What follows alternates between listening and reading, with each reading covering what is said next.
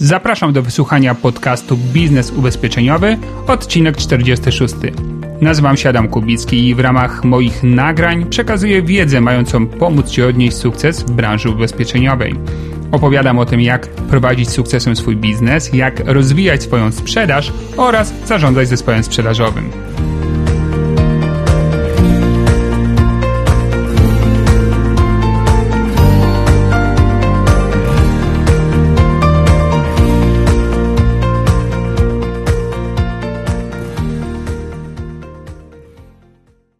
Dzień dobry, dzień dobry, witam Cię serdecznie w najnowszym odcinku podcastu, który będzie poświęcony pobudzaniu potrzeby zakupu ubezpieczenia, oczywiście pobudzaniu potrzeby potencjalnego klienta. Zanim przejdziemy do tego tematu, krótka informacja techniczna.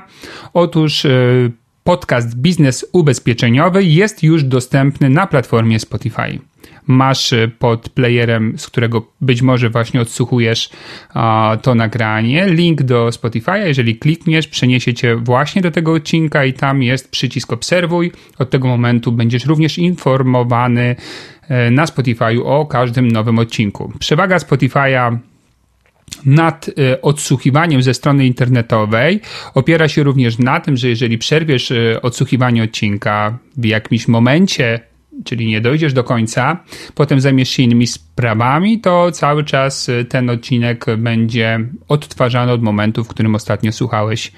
Więc to jest dużo bardziej pożyteczne, bo na stronie internetowej niestety ona się przeładuje i trzeba będzie szukać tego momentu, w którym zakończono czy zakończyło się słuchanie odcinka. No dobrze, a teraz wróćmy do tematu pobudzania potrzeby zakupu ubezpieczenia.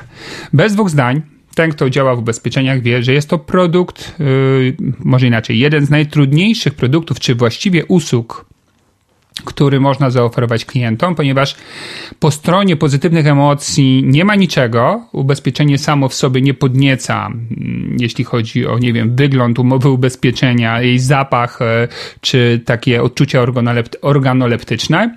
E, za to e, kosztuje i to niemałe pieniądze bardzo często pieniądze takie, których, e, które nasz potencjalny klient chciałby wydać na zupełnie inne, przyjemniejsze rzeczy. A więc my musimy tą potrzebę e, właśnie z tego powodu pobudzać. I zanim opowiemy sobie o technikach pobudzania potrzeb ubezpieczeniowych klientów, warto na początku powiedzieć, że to ma w ogóle sens i zakończy się ją sukcesem tylko wtedy, jeżeli osoba, z którą rozmawiasz, spełnia warunki do tego, aby zostać Twoim klientem. Otóż niestety nie każdy człowiek na świecie, nie każda osoba w tym kraju nadaje się na klienta, który kupuje ubezpieczenia, oprócz oczywiście tych ubezpieczeń obowiązkowych.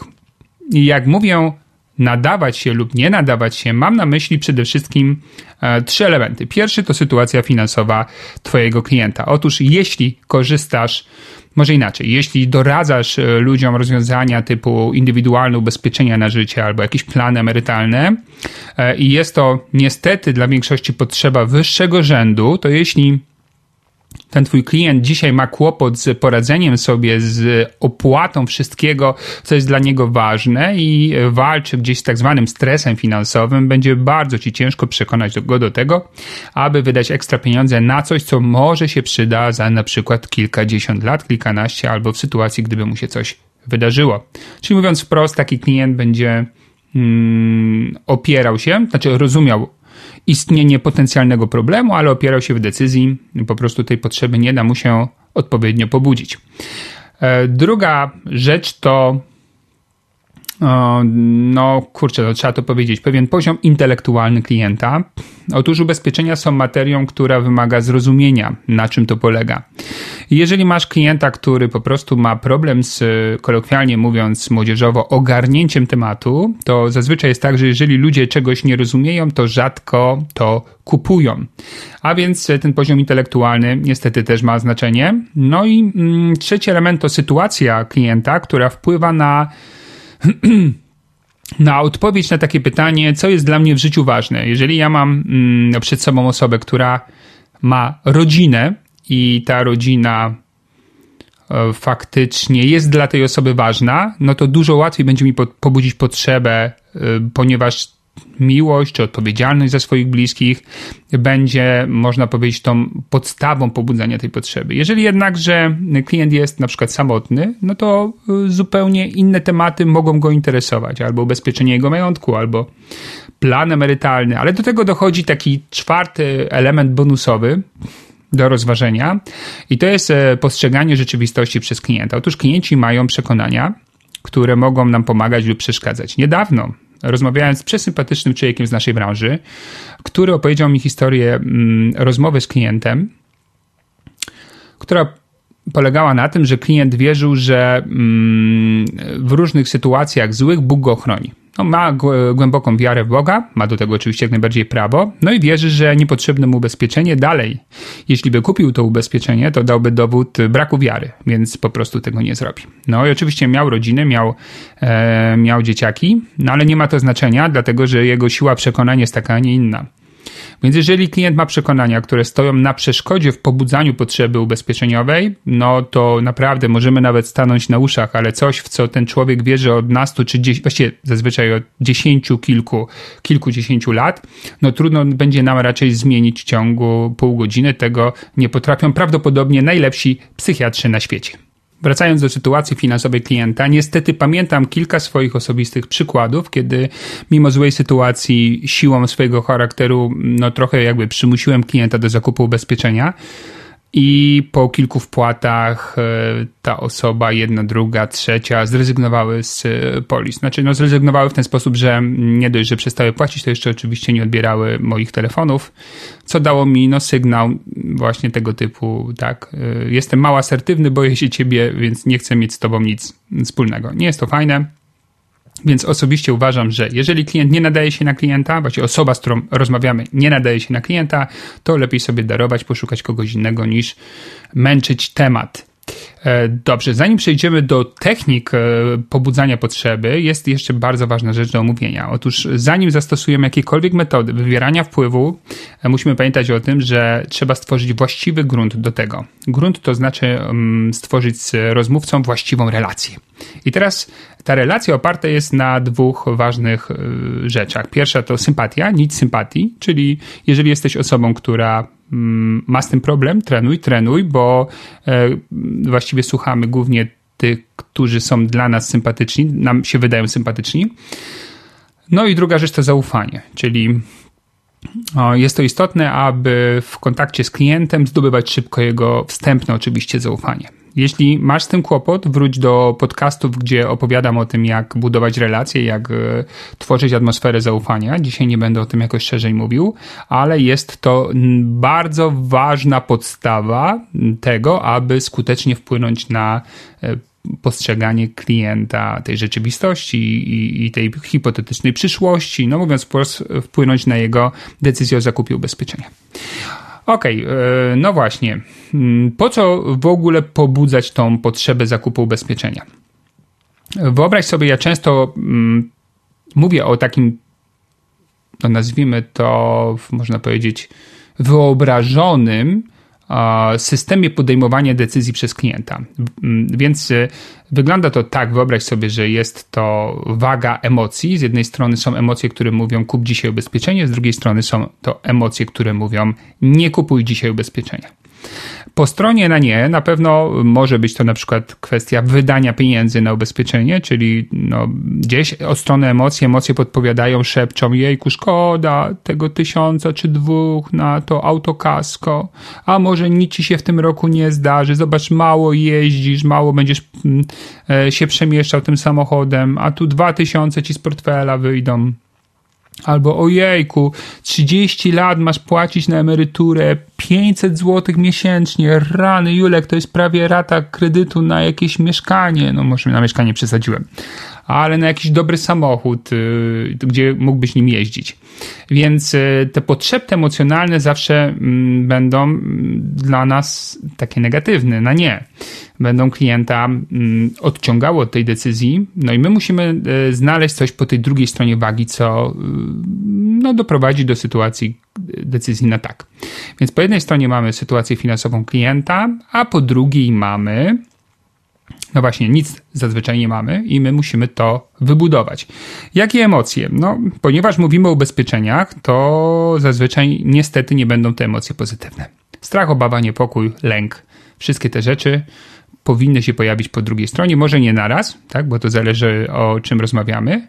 Czasami mm, może być to jakaś emocja pozytywna. Na przykład rozmawiamy o tym, co klient zrobiłby y, z pieniędzmi zaoszczędzonymi przez wiele, wiele lat w sytuacji, kiedy przeszedłby na emeryturę, miał czas i te pieniądze. No i on opowiada, zrobiłby to, pojechał tam, wycieczki, podróże, yy, mały domek na wsi, ok, i to tu mu się robi dobrze ale to właśnie dlatego mu się robi dobrze, bo funkcja oszczędzania w polisie nie jest funkcją ubezpieczenia. To nie jest ubezpieczenie. To jest zapakowane w ubezpieczenie, ale ubezpieczeniem nie jest. Jest oszczędzaniem i dlatego jest pozytywnie. Cała reszta, czyli wszystkie funkcje typowe, klasyczne, ubezpieczeniowe danego produktu, to potrzebę trzeba budować po prostu na emocjach negatywnych. Obawa, lęk, niepokój, strach. Nie jest to łatwe, dlatego że nasz klient w momencie rozmowy nie ma sytuacji, w której się coś złego dzieje. To jest ewentualnie hipotetyczna sytuacja. No chyba, że ma. To wtedy bardzo chętnie sam chce kupić, ale zazwyczaj my mu wtedy nie możemy sprzedać. Mm, a więc y, idea polega na tym, że tymi technikami sprzedażowymi musimy w głowie klienta tą potrzebę pobudzić. No i opowiem Ci o takich dwóch metodach yy, skutecznych, może nie do końca prostych, ale chociaż to zależy oczywiście od praktyki, ale to co wiem, to to, że są naprawdę skuteczne. Dwie podstawowe metody pobudzania potrzeby zakupu ubezpieczenia. O tych dwóch metodach teraz Ci opowiem. Jeśli byłeś w harcerstwie, to z pewnością pamiętasz, że na przykład przy ognisku na obozie albo biwaku, co się robiło? No nie piło, to się robi po harcerstwie, niestety, i zazwyczaj to już nie jest ognisko, tylko grill ale się gawędziło. I tam byli wtedy mistrzowie gawęd, historii, opowiadali różne historie. Jeden przeplatał historię z drugą opowieścią. Jedna opowieść była taka do tego, żeby być trwożliwym, uuu, jakaś druga wesoła, wszyscy się śmiali, bo ktoś tam gdzieś wpadł, zanim wyszedł, to nie wiem, coś tam się jeszcze wydarzyło. W każdym bądź razie historie są bardzo atrakcyjne. E, dla naszego umysłu i bardzo, bardzo łatwo koncentrują e, na sobie właśnie nasz umysł. Co to oznacza w sprzedaży? W sprzedaży oznacza to to, że pierwszą metodą, Pobudzania potrzeby zakupu ubezpieczenia może być zastosowanie w rozmowie z klientem adekwatnej do jego sytuacji historii, przykładu, zdarzenia, które również jemu mogłoby się przydarzyć, ale no zdarzenia, które się jemu nie przydarzyło, ale przydarzyło się komuś innemu. I moje doświadczenie osobiste sprzedażowe jest takie, że historie mają ogromną moc pobudzania potrzeby. Oczywiście, jak we wszystkim, muszą być e, właściwie opowiedziane i muszą też być właściwymi historiami.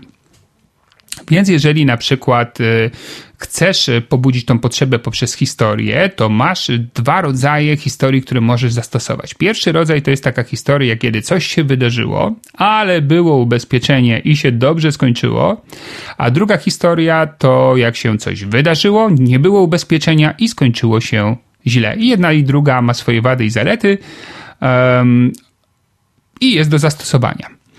Na przykład, jeżeli rozmawiamy o y, możliwości ubezpieczenia się od odpowiedzialności cywilnej na wysoką sumę, na przykład 2 miliony złotych, takie ubezpieczenie ja posiadam, to można przytoczyć historię moją osobistą, właściwie historię z mojej rodziny. Otóż mój syn na stoku zderzył się z Austriaczką, z panią, która już miała swoje lata. Niestety złamał jej się, po skutek tego zderzenia, złamała jej się kość w barku.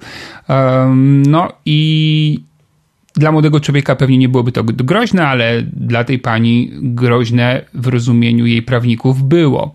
E, bo nawet nie mówimy o kosztach leczenia, chociaż też były spore, ale o wszelkich kosztach dookoła, bo i pani nie mogła już e, pielić swojego ogródka i jej zmarniał i musiała zatrudnić panią od gotowania i zatrudnić osobę, która sprzątała jej wielki dom i jeździć na rehabilitację No i jak e, przychodził jeden e, rachunek po drugim rachunku, no to tak ziarnko do ziarnka i zebrało się solidne kilkadziesiąt tysięcy złotych już w pierwszych dwóch latach mm, naszego kontaktu po tym wypadku.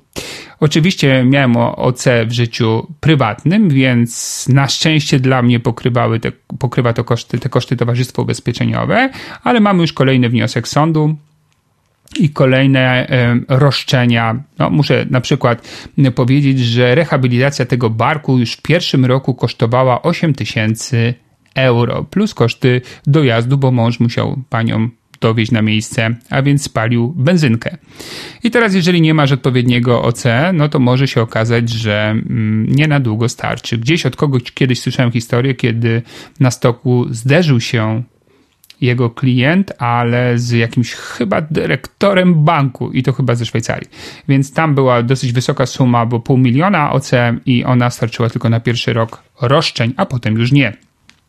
Więc ja mam dwa miliony i właśnie dlatego, bo przeżyłem tą historię, ale jak opowiadam tą historię znajomym na przykład, no, przy ognisku, to wielu mówi, ojejku, ja w ogóle nie mam takiego ubezpieczenia. Mówię, masz, masz przy ubezpieczeniu mieszkania, tylko nawet o tym nie wiesz i nie na taką kwotę.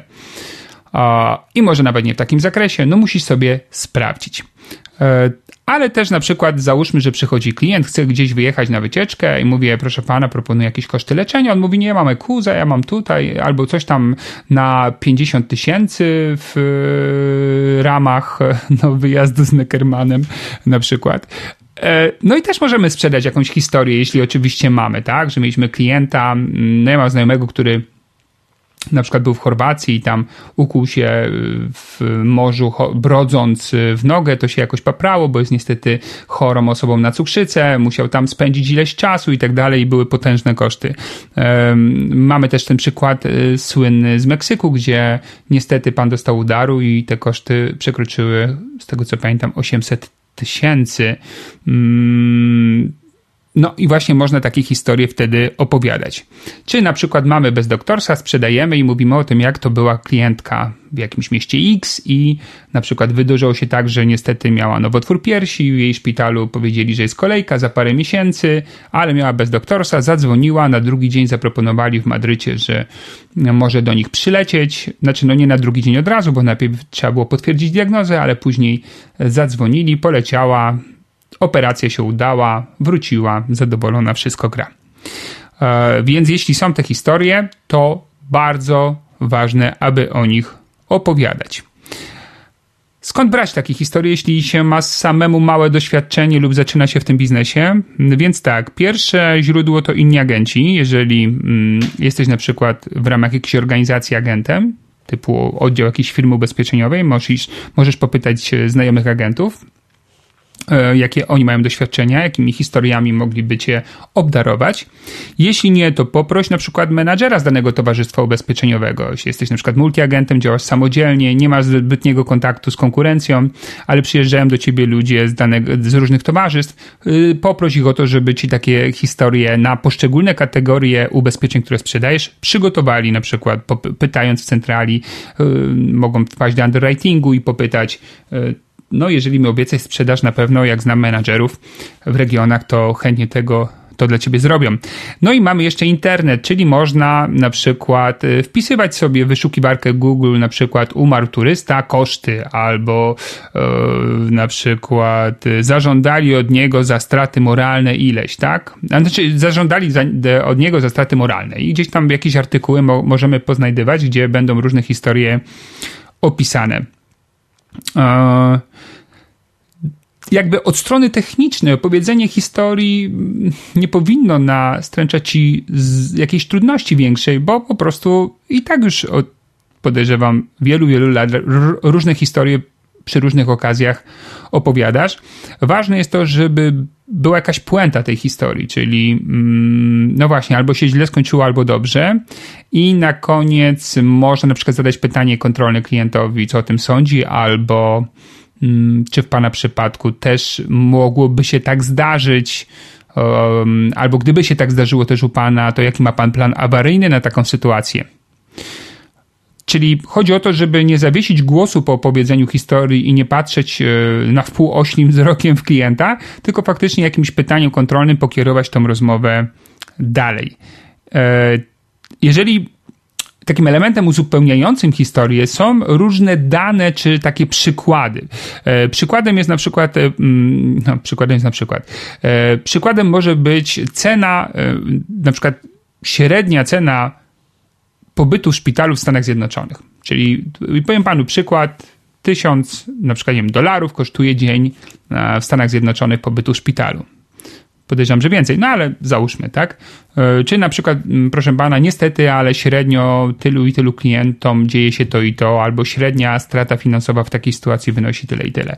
Czyli jeżeli masz jakieś przykłady, informacje, same w sobie nie są historią, ale mogą trochę pobudzić e, niepokój e, twojego rozmówcy, bo mówią o liczbach, które go przerażają, to ja, albo takim czasie, na przykład oczekiwania na operację w Polsce, tak? To też może być taki, taka konkretna dana, która podpowiada klientowi, albo mówię, no niestety, na przykład, proszę pana, są dane statystyczne, połowa osób czekających na operację w Polsce nie dożywa operacji. Chociaż mogłaby żyć dalej, brakło czasu, żeby się wyleczyć.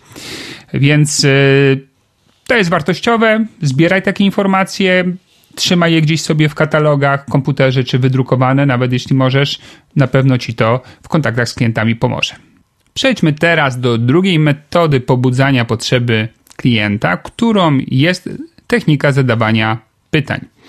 Otóż pytania w znaczący sposób mogą nam ułatwić pobudzenie niepokoju, obawy, lęku, strachu klienta. Muszą być tylko właściwie skonstruowane i zadane we właściwym momencie. Jeśli chodzi o samą pracę z emocjami, mm, przydają się szczególnie dwa rodzaje pytań. Są to pytania warunkowe i pytania alternatywne.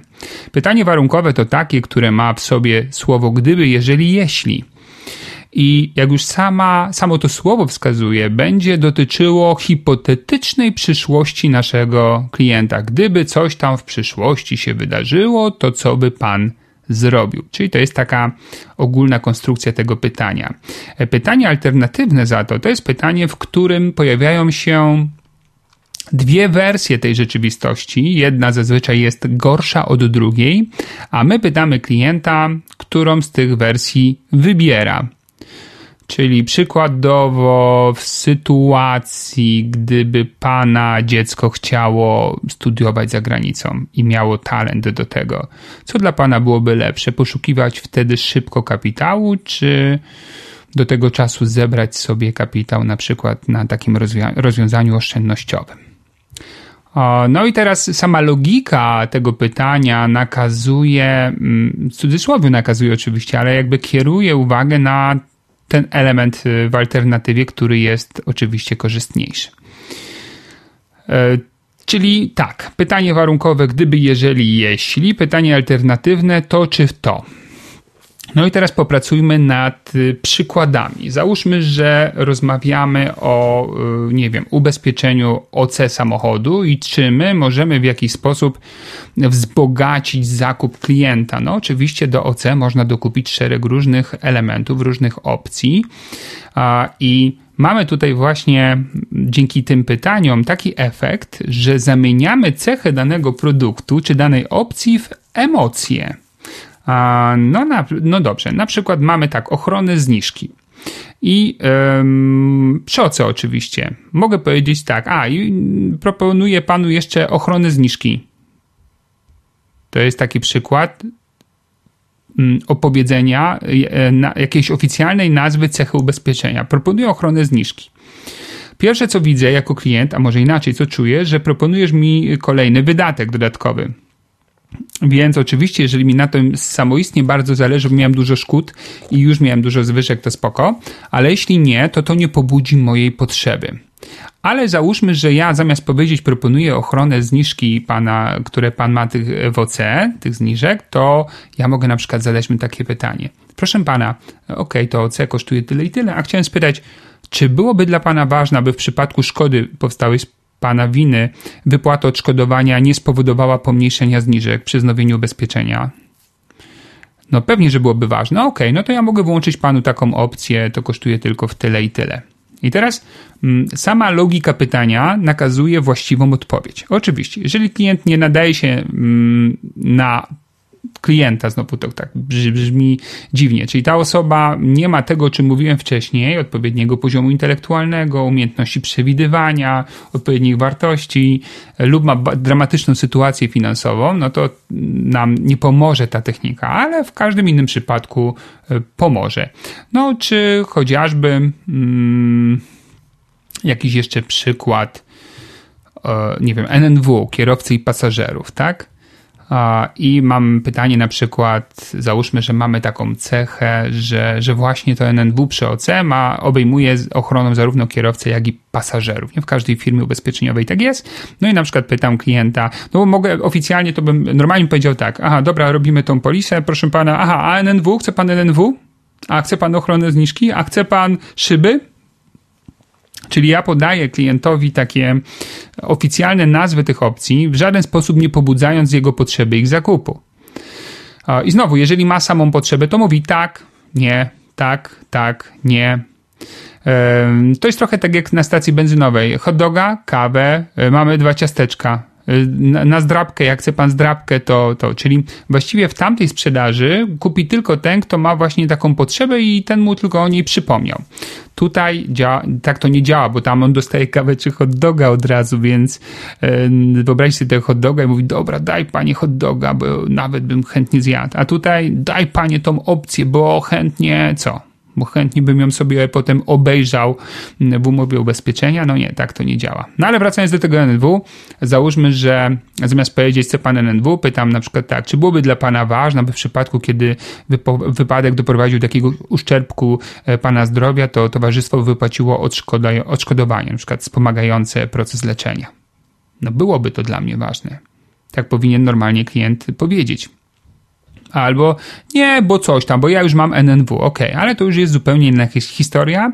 Zrobiłem to w lepszy sposób niż e, robiłem e, to wcześniej. Jeżeli właśnie to jeszcze obejmuje pasażerów, mogę na przykład zapytać, mm, no na przykład, a czy czułby się pan bezpiecznie, gdyby takie zabezpieczenie, takie ubezpieczenie obejmowało również pasażerów, na przykład pana rodzinę w trakcie podróży z panem? I teraz e, zauważ, że w tych pytaniach warunkowych tam pojawiają się takie określenia: wygodny, spokojnie, zadowolony, ważne, bezpiecznie. To jest dosyć istotne, żeby one w tych pytaniach się pojawiały. Dlatego, że właśnie trudniej jest jakby odpowiedzieć negatywnie na takie pytanie, jeżeli zaczynał się od takich słów. Czy byłoby dla Pana ważne otrzymać w takiej sytuacji pieniądze na to i na to? No jasne, że byłoby ważne. No, to jest naturalna odpowiedź. Albo czy czułby się pan bezpiecznie, gdyby w sytuacji, nie wiem, awarii samochodu za granicą, bo mówił pan, że jedziecie do Chorwacji, na koszt firmy zorganizowano ubezpieczeniowej holowanie, nocleg i jeszcze samochód zastępczy. Albo czy czułby się pan e, zadowolony w takiej sytuacji, albo spokojniej. Czyli te przymiotniki mają e, dużą moc, są ważne i musimy je umieszczać w tych w tych pytaniach. No, na przykład, nie wiem, mamy e, przeasystans, mm, już dałem przykład, ale na przykład e, jeśli chodzi o szybę, tak? Czy w przypadku uszkodzenia szyby hmm, chciałby Pan, aby Towarzystwo Ubezpieczeniowe zapewniło Panu bezpłatną wymianę szyby? Albo czy czułby się Pan e, spokojniejszy, wiedząc, że w przypadku uszkodzenia Pana szyby e, na koszt Towarzystwa zostanie ona wymieniona? i jednocześnie nie wpłynie na przykład na historię pana szkód.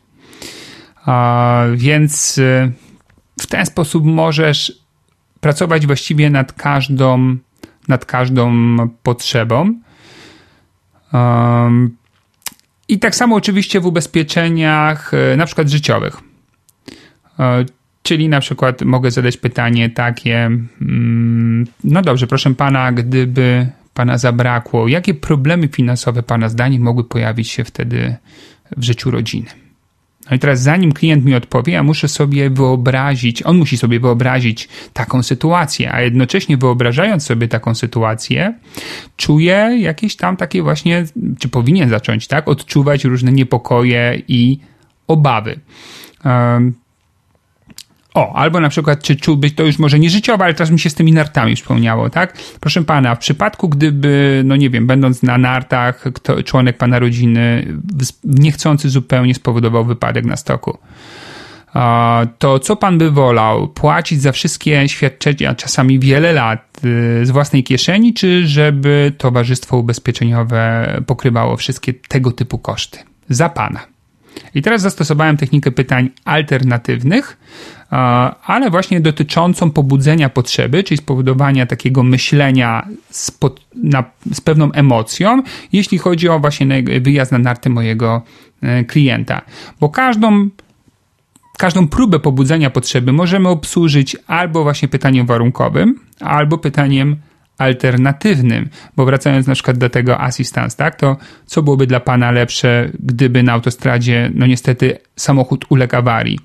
E, organizować e, samemu mm, samochód zastępczy, nocleg i jeszcze holowanie, czy zdać się na towarzystwo ubezpieczeniowe, które zrobi to za Pana? Czyli to jest to samo, co wtedy było w pytaniu warunkowym, tylko teraz to zrobiłem pytaniem alternatywnym. Hmm na przykład jadąc do Stanów, kiedy czułby się pan mm, bezpieczniej e, w sytuacji na przykład jakiegoś no, konieczności skorzystania z szpitala, kiedy, kiedy płaci pan tysiąc dolarów z własnej kieszeni za pobyt w tym szpitalu, czy kiedy towarzystwo do dwóch milionów na przykład odpowiada za, za tego typu koszty. Um, albo co by pan zrobił, gdyby trafił pan do szpitala w Stanach Zjednoczonych, do których pan się wybiera, a suma ubezpieczenia starczyła tylko na tydzień leczenia, ta 100 tysięczna, o której teraz rozmawiamy.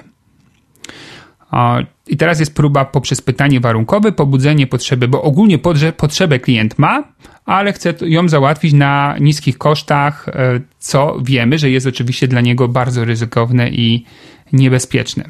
No i wracając jeszcze do tych e, ubezpieczeń na życie, to w sytuacji, gdyby wskutek pana śmierci pojawiły się jakieś kłopoty finansowe, co byłoby lepsze? Żeby rodzina borykała się y, samodzielnie z tym lub pożyczała od znajomych pieniądze, czy żeby towarzystwo ubezpieczeniowo zapewniło jej komfort finansowy? O, I teraz ten, tą rozmowę na temat śmierci, tak, e, obsługuje właśnie pytaniem alternatywnym, tak? W przypadku poważnej choroby, co pan by wolał? Walczyć w polskim szpitalu, w kolejkach i z naszym systemem, czy wyjechać za granicę na koszt towarzystwa i wyleczyć się w renomowanej klinice? Czy tam, tak, poddać się zabiegom? I teraz mamy pytanie alternatywne w kontekście na przykład y, ubezpieczenia Best Doctors. Gdyby wskutek wypadku nie mógł pan pracować przez wiele lat, e, tak, to jaki ma pan na to jakby obecnie plan awaryjny, plan, który pana zabezpiecza? No i teraz to jest takie ciekawe pytanie, bo gdyby coś tam się wydarzyło, to jak na dzisiaj klient jest na to przygotowany? Czasami stosuję tą technikę zadawania pytań, bo wiem, jaka będzie odpowiedź, że nie mam żadnego i to jest dobre, bo kiedy klient mówi sobie, nie mam żadnego na to, żadnej ochrony nie stworzyłem, to istnieje szansa, że wprowadzi się w taki dyskomfort, będzie czuł się e, no niefajnie z tego typu odpowiedzią. No a to dla nas znowu jest fajne, bo, bo łatwiej będzie mm, po prostu klientowi potem to skutecznie zaproponować.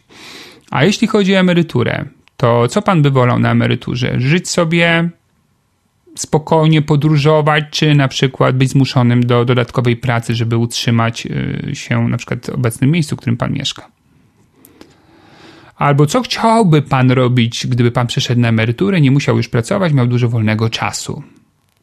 Czyli ciągle gdyby, jeśli coś się dzieje, mm, ten tryb warunkowy, to bym, byś, cały czas musi w tym języku funkcjonować. Języku, pamiętaj, etapu pobudzania potrzeby ubezpieczenia. I jak już słyszysz te pytania, to pewnie to, to czujesz, że one mm, służą w dużym stopniu do pracy z e, wyobraźnią klienta, no bo właśnie to wyobraźnia jest tym źródłem emocji głównym.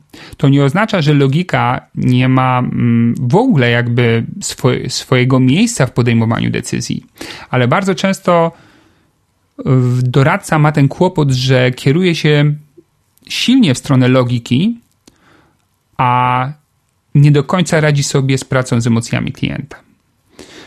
nawet to, że firmy wyposażają nas w różnego rodzaju narzędzia, nazwijmy je narzędzia analizy potrzeb, czy no w tej chwili już to są chyba już w każdej firmie na, narzędzia typu mm, mm wypełnianie czegoś w komputerze czy na tablecie, ale zauważ, że w dużym stopniu te narzędzia pracują z liczbami. Y, nawet jeżeli tam jest jakiś element, y, który mógłby być podstawą do emocji klienta, to samo narzędzie tego nie zrobi. To my musimy to my musimy jakby na tym etapie podciągnąć ten wątek e, i po to agent jest w dużym stopniu potrzebny. Nie po to, żeby wypisać polisę, bo to będzie pewnie coraz prostsze i coraz bardziej mogłoby być, zro być zrobione przez klienta samodzielnie, tylko właśnie po to, żeby pobudzić emocje klienta. To jest nasze główne zadanie. Pomijam sytuację, w której klient jest świadomy, sam chce, przyszedł, no to wtedy nie będziemy na siłę tego robili. Chociaż na pewno masz takie doświadczenia, albo jeśli zaczynasz, to niestety będziesz mieć, w których klient wydaje się na początku bardzo łatwy, na wszystko się zgadza i w ogóle świetnie, że się spotkaliśmy, bo dawno o tym myślał, czy od dawna właściwie, tak trzeba byłoby powiedzieć, a potem jakoś kontakt się, kurczę, z tym tak przekonanym samodzielnie klientem urywa.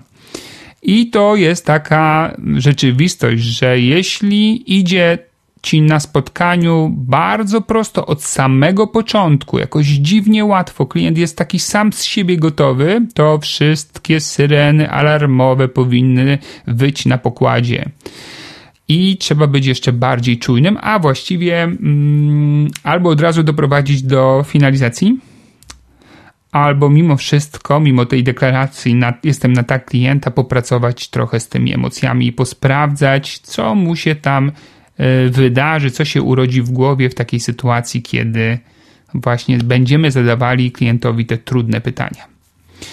Jak, e, jak zaimplementować te dwie metody, metodę um, używania historii i metodę zadawania pytań do swojej pracy z klientem? Otóż, jeśli nie ma tego dzisiaj w Twoim nawyku, to trzeba będzie ten nawyk zbudować. I trzeba będzie skoncentrować się trochę na tych metodach, czyli na przykład e, możesz usiąść sobie dzisiaj wygodnie z lampką wina czy z kawą, wziąć kartkę papieru, zastanowić się, jakie rozwiązania mm, sprzedajesz, oferujesz klientom. Załóżmy, że jest to, nie wiem, rozwiązanie, mm, często sprzedajesz komunikację do tej komunikacji, co klient mógłby dokupić, a to asystent, szybę, zniżkę, nie wiem, poradę prawną, pakiet medyczny, NNW, cokolwiek tam masz w tych rozwiązaniach, wypisz sobie te cechy i do każdej z tych cech e, stwórz pytania warunkowe i alter, alternatywne, które zanotujesz sobie pod daną cechą. I w momencie, kiedy je będziesz tworzyć, co już samo w sobie nie będzie na początku prostym zadaniem, ale kiedy je stworzysz, to czytaj, poczytuj te pytania.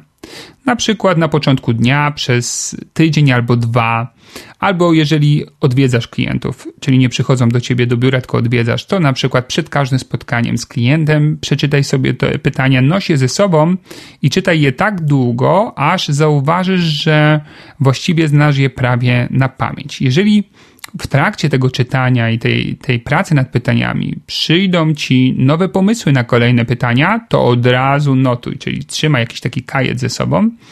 I taki kajet swoich pytań jest najważniejszym krokiem takiego wdrożenia tej metody do swojego działania. Jeśli tego nie zrobisz, a nie masz w nawyku i nie masz tej umiejętności zadawania pytań warunkowych alternatywnych, no to trudno sobie wyobrazić, że będziesz to o tym pamiętać na spotkaniu i jeszcze wtedy będziesz kreować te pytania. Niech pan chwilę poczeka. Mm, ja tu muszę jakieś dobre pytanko panu zadać, tylko jeszcze jak to było pu, pu, pu, w tym podcaście warunkowe może... Da mi pan chwilkę? Okej, okay, no to oczywiście wyszłoby słabo, więc taki zeszyt pytań i to moja praca domowa dla ciebie.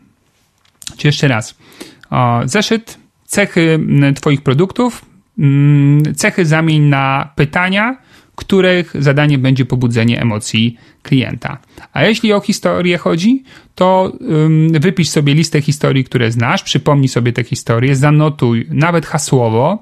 Jeśli masz ich za mało i widzisz, że to jest za mało, to telefonujesz albo spotykasz się z innymi agentami, prosisz ich o swoje historie. Czym dłużej agent jest w branży, tym więcej ma takich historii. Jeżeli jesteś na jakimś forum agentów, no na przykład na forum Biznes Ubezpieczeniowy, na grupie zamkniętej na Facebooku, no to przecież możesz poprosić, ludzie dajcie mi jakąś historię, nie wiem, na to i na to, bo mam spotkanie z klientem i bardzo by mi się przydała.